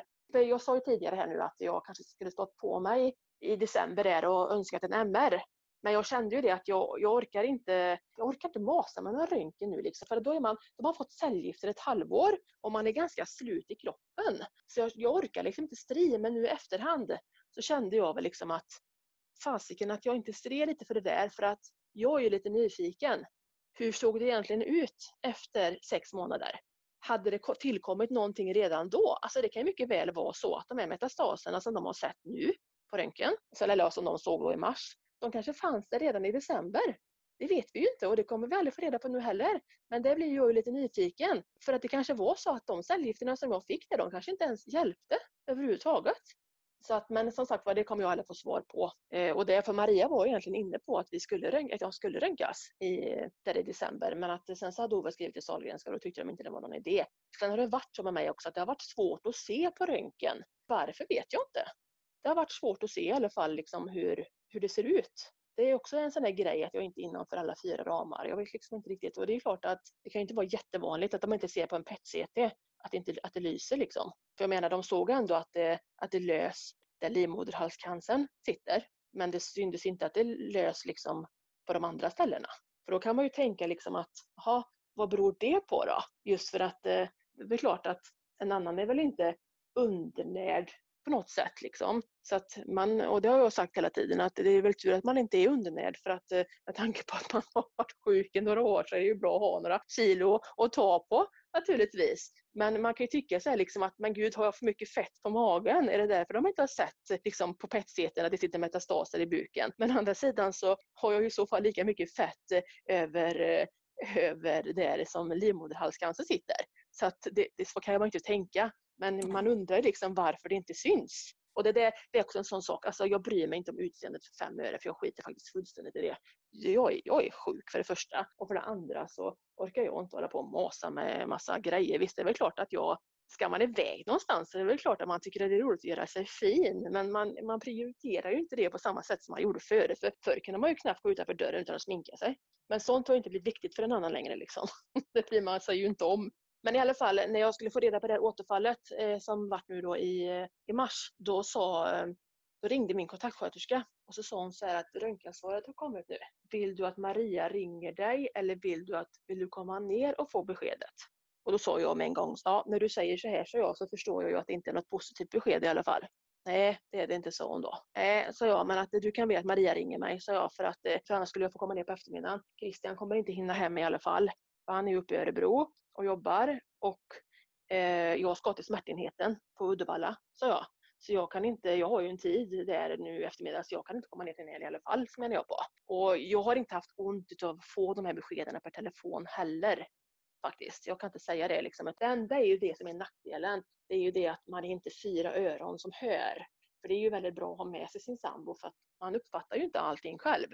Utan då har han ju också hört vad som är sagt. Så det är klart att, eh, och jag som är så frågvis också och hela tiden ska fråga allting och veta allting och jag är ju en sån där patient som vill, ja men vad låg mina vita blodkroppar på idag? Eller vad var HB1? Eller vad var eh, trombocyterna liksom? En del skiter ju fullständigt i det, men jag vill ju veta vad de, vad de är. Jag tycker det är intressant.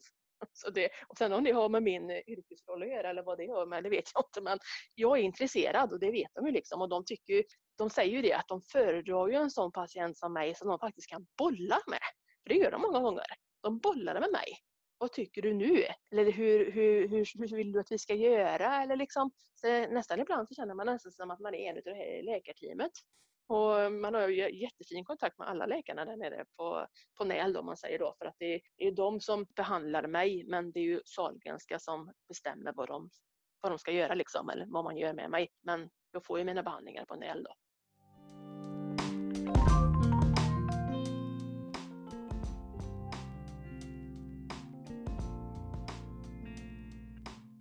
Du berättar ju också att hur stark man än är så faller man ju någon gång. Ja, men precis.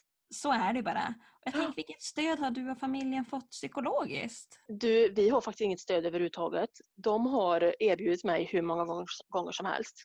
Eh, jag träffade kuratorn på, på Sahlgrenska en gång då efter jag hade blivit opererad. Men att, alltså jag kände liksom det att jag hade inget behov av det, liksom, att prata med henne. Jag tror jag pratade med henne i telefon sen någon mer gång. Sen har de ju en kurator på NÄL. Och den har jag också pratat med. Liksom, hon har varit uppe och presenterat sig någon gång när jag låg inne, liksom, bara för att jag skulle få ett ansikte på henne. Men jag har liksom inte känt att jag behövt att, att prata. Alltså jag pratar så mycket med alla andra. Jag är så öppen i min sjukdom. Så att, och jag känner liksom det att de grejerna som jag vill ha svar på kanske någon kan inte en kurator ge mig. Liksom. Det är ju knappt en läkare kan, kan ge mig de svaren. Sen har jag tänkt så här att den dagen som de säger att nu finns det ingenting mer att göra, då tror jag nog att jag kommer ta kontakt med kuratorn just för att det praktiska, hur, hur jag går tillväga praktiskt med allting. Liksom. I och med att jag har två barn och grejer liksom, och jag är en sån här människa så jag vill liksom gärna strukturera och ordning och reda och sådär på saker och ting. Så att eh, då kan jag tänka mig kanske liksom Sen använder ju många kuratorerna kanske till för att söka olika bidrag från olika fonder och grejer, men det har jag inte heller gjort liksom. Jag har inte haft något eh, behov. Sen mina barn, det såg jag ju till med en gång att de pratade med skolsköterskan när jag blev sjuk och även med kuratorn. Så de har ju gått med jämna mellanrum och pratat med kuratorn på skolan. Det såg jag till med en gång liksom att de fick göra. Sen eh, får ju min sambo också prata med kuratorn om han vill, men han har inte heller velat det utan vi, ja, vi diskuterar ju lite hemma här men annars så flyter ju livet på liksom. Så jag är, jag är nog ingen sån människa liksom. Det känns väl kanske inte riktigt som att det hade hjälpt mig, eller jag, jag vet inte. Man tycker sig också liksom att åh, nu ska jag behöva åka till Trollhättan en gång till. Liksom. Och jag menar, det är ganska skönt att vara hemma. Och sen just nu som i den här coronatiden, alltså på vårdcentralen då när jag tar prover, det, jag lägger ju om den här picklinen som jag har i armen och eh, kateten som jag har i njuren. Det lägger man ju om en gång i veckan. Så att eh, då är jag ju på vårdcentralen och lägger om detta. Och eh, där är de ju väldigt noga så att där alla infektionskänsliga patienter, de går in genom mödravården. Alla vanliga patienter, man säger, de går in den vanliga ingången. Och alla de patienterna som är sjuka, om man säger då, eller typ kan ha corona då eller någonting, de går in genom eh, ambulansintaget. Förr gick jag in genom ambulansintaget liksom. För det var det man gick då när man hade cancer och sådana saker för att inte träffa andra människor. Men nu har de ju fått göra om då med tanke på coronan. Så där är de väldigt noga sådär liksom. Men nere på NÄL, där har, visst det har ju varit stängt. Alltså dörrarna, det har ju bara stått vakter och grejer utanför som har frågat en om man eh, mår bra eller har feber eller hostar eller har varit sjuk det sista. Men från och med första juli nu då, nu, nu öppnar de entrén dit igen. Och jag menar, det känns inte speciellt bra. Alltså att jag ska behöva gå då genom hela Näl nästan och träffa på massa människor. Alltså det känns som att jag skulle kunna åka till köpcentret och handla också, för det är ju ungefär samma sak. Och jag menar, de människorna som är på ett sjukhus, de är ju i regel sjuka också. För jag känner liksom det att jag, jag har så pass respekt för den här coronan. Jag har ju träffat en, en tjej som är lika gammal som mig som har äggstockscancer. Som vi får precis samma behandling nu, jag och hon. Och hon, hon är rädd för att hon ska dö i cancer och jag är rädd för att jag ska dö i corona. För jag vet att jag kommer dö i cancer men jag har kommit längre i min bearbetning än vad hon har gjort. Hon har svårt för att acceptera det här att hon inte kommer bli frisk igen.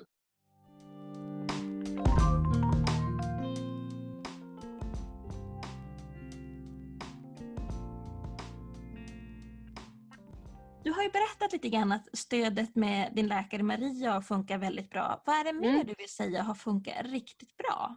Det som jag egentligen är missnöjd över, om man ska säga så, det är ju det här att, att jag fick på något sätt falska förhoppningar från början när den läkaren säger att eh, ja, men vi har tagit med goda marginaler och det såg inte konstigt ut i dina äggstockar och du vet det där.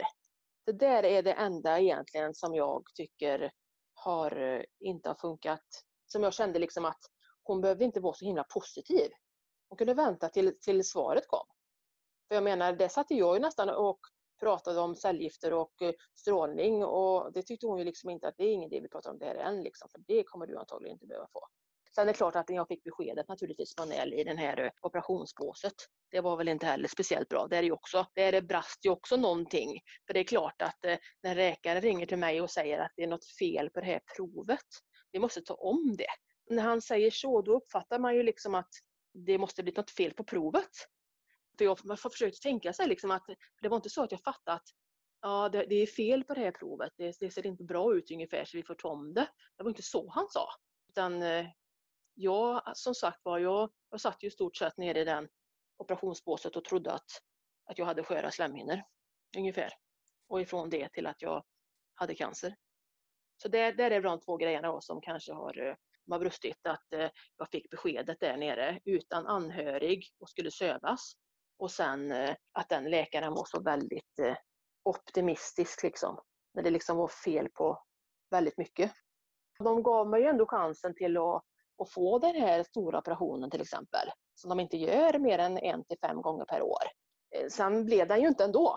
Men de har ju ändå, de har ju ändå valt att satsa på mig. De hade ju lika bra egentligen kunnat sagt att Eh, men, det, ja, nej, men vi, vi gör inte någonting. Utan de har ju ändå velat göra mig frisk. För ibland så känns, man, känns det ju som att man är en i mängden. Liksom. Läkarna som är på NÄL är ju jättebra liksom, och de som är på Sahlgrenska, de har ju inte så mycket kontakt med. Men jag kan inte säga att det är ju ingenting som har blivit missat på något sätt. Det enda är ju det att, att hon var så optimistisk och gav mig verkligen falska förhoppningar. Jag träffade faktiskt henne när eh, jag skulle göra den här stora operationen. Då kom hon gåendes där nere vid eh, där, de, eh, där man får infarten och alltihopa eh, nere på förberedelserummen innan man kommer till operation. Då kom hon, den läkaren som opererade mig. Och jag kände igen henne. Hon hajade till på mig också på den vänster. Så, att, eh, så jag sa det, vi har aldrig träffats förut, så det var du som opererade mig, så jag, men nu är jag sjuk igen. Hon hade egentligen kunnat liksom varit mer att inte varit så positiv. För att eh, så positiv som hon var, det blev så fel. Liksom när man sitter då med att de fick inte bort all cancer och du har äggstockscancer också. Hon hade lika bra kunnat sagt liksom att eh, ja, vi får vänta och se vad som händer nu. Liksom. Men vi har gjort så gott vi kan, typ. För det gör de ju. Jag kan inte säga att jag tycker att jag har blivit på något sätt eh, felbehandlad utav, utav mm. vården.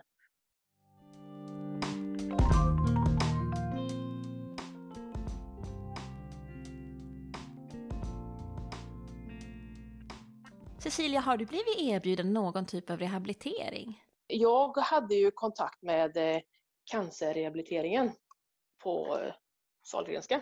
Eh, hade jag efter jag fick strålningen och alltihopa det där. Så det är väl den enda rehabiliteringen i så fall som jag har haft kontakt med. Just för att, ja du vet hur det är. Alltså, det är ju sköra slemhinnor och när man har blivit strålad till exempel då ska man ju använda en sån här det är ju ingen dildo, men det ser ju nästan ut som det. Att man ska hålla på och köra med den fram och tillbaka i underlivet då, eh, typ varje dag för att man inte ska få sammanväxningar och grejer. Jag vet inte om du har hört talas om det för de som blir strålade just med Jo, underlivet. dilator kallar man väl det? Ja, ja precis. Jo.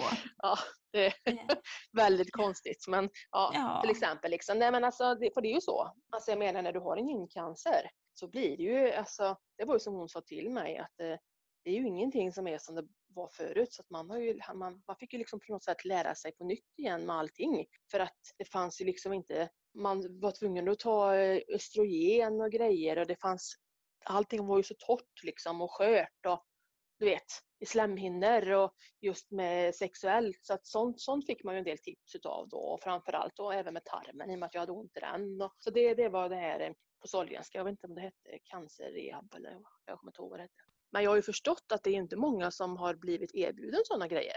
Det med det här med sexuellt, och det, där har vi pratat om även för de som har, eh, även killar vi säger, som har testikelcancer och sådana saker. Liksom.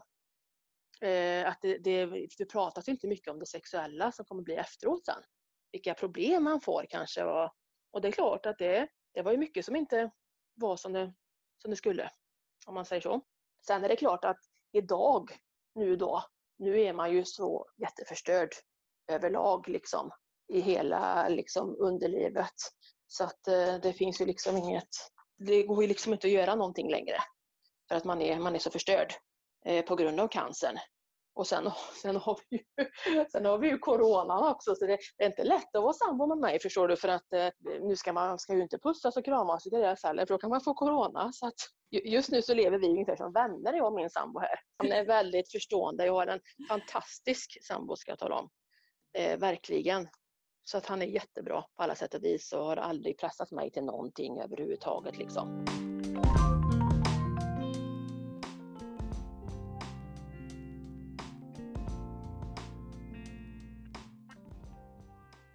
Du berättade ju tidigare att det har varit många i din släkt som har fått cancer. Har det här väckt några funderingar hos dig? Jag fick reda på att jag, eh, att jag hade mm, äggstockscancer då. Eh, då sa jag till min läkare på Sahlgrenska med en gång att eh, jag vill att du skriver en remiss till cancergenetiska för att jag vill veta om det här är något genetiskt eller inte med tanke på mina barn. Så att jag har ju blivit kollad både på för äggstockscancer, eller för det som du pratar på här nu då med, vad heter det? Bracka. Bracka 1 ja. och 2 och mm. eh, även för, eh, de heter ju Svea och Sven de här generna. Svea är ju äggstockscancer och bröstcancer och Sven är ju koloncancer och tarmcancer och sånt. Eh, för att min mamma hade ju det. Eh, så de har ju kollat mig både på, på bägge generna. Men jag bar ju inte på någon gen och ändå är jag ju typ eh, femte eller sjätte generationen som får cancer. Fast vi har ju inte haft samma sort. För jag menar, min mormors eh, farmor hade någon sort. Min mormors pappa hade eh, skelettcancer tror jag. Min mormor har haft eh, livmodercancer. Min mamma hade ju koloncancer och sen jag liksom. Så att vi, jag fick göra sådana släktträd där då. Så de kollade. Men att för mina barns skull då så gjorde jag ju detta då för att jag ville veta så att det inte var något genetiskt. man kan ju tycka att det är lite konstigt när så många blir sjuka, även om det inte är samma cancer. Men jag har inget genetiskt i alla fall.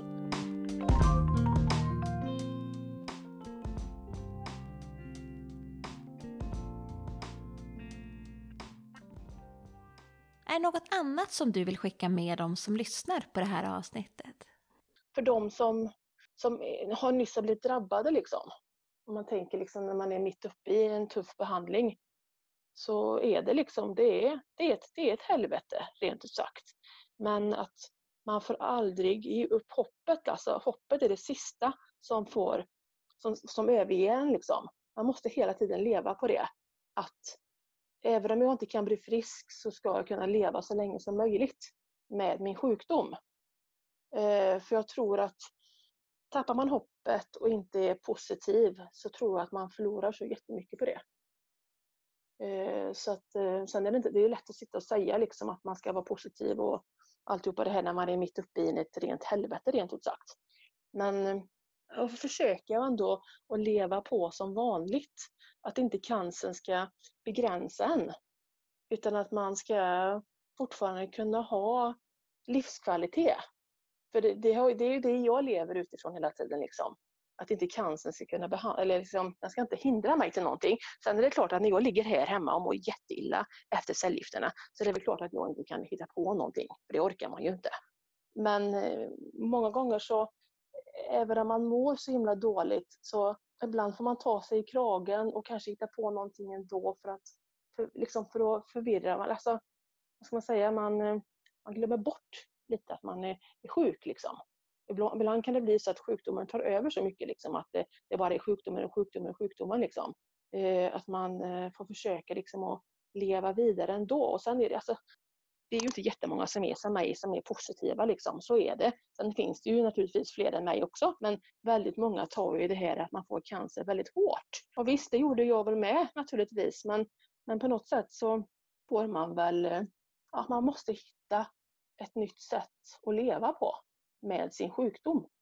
Och leva med den liksom, och just att man, eh, det här att man ska vara eh, observant liksom på nya symptom, kanske sådana saker liksom. Eh, man kan inte hålla på och gå runt och, liksom och tänka sig, gud nu har jag ont där, nu har jag ont där, nu har hon cancer där med, för då kommer man bli knäpp. Det klarar man inte av, utan man måste försöka liksom att leva. Visst, det är inte roligt, men, men det, är inte, det är inte nattsvart ändå. Eh, du får försöka liksom att, att göra det bästa av situationen. Sen är det inte lätt att sitta och säga så för alla. Alla är inte som mig. Alla orkar inte tänka så positivt alla orkar det. Sen kommer det väl att komma en dag när jag inte heller tänker positivt längre. Det är klart att ju mer sönderslagen man blir utav cancern och ju mer färgad man blir och ju mer ont man får och ju mer komplikationer man får och eh, grejer så det är klart att eh, livet inte alltid är så lätt mm. att tänka positivt. Men eh, jag, jag ska nog försöka att tänka positivt så länge jag kan.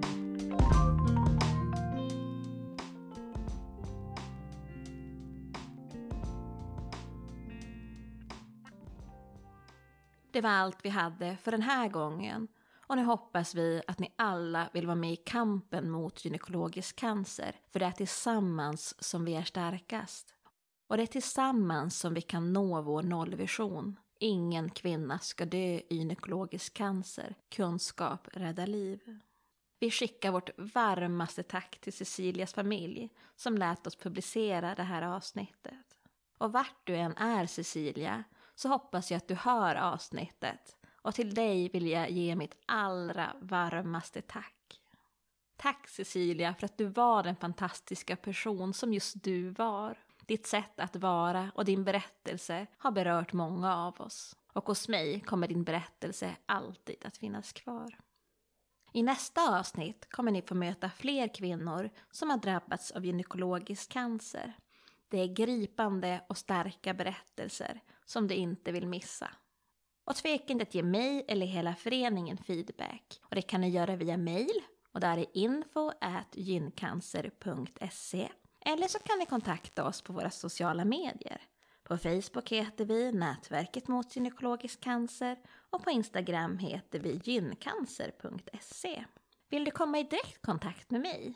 Kanske har du förslag på ett annat poddämne som du vill att vi lyfter upp? Ja, då finns jag också tillgänglig på mail och det är alexandra.gyncancer.se. Då säger vi tack så länge och ni där ute, ta hand om er och var snälla mot er själva. Ha det så gott!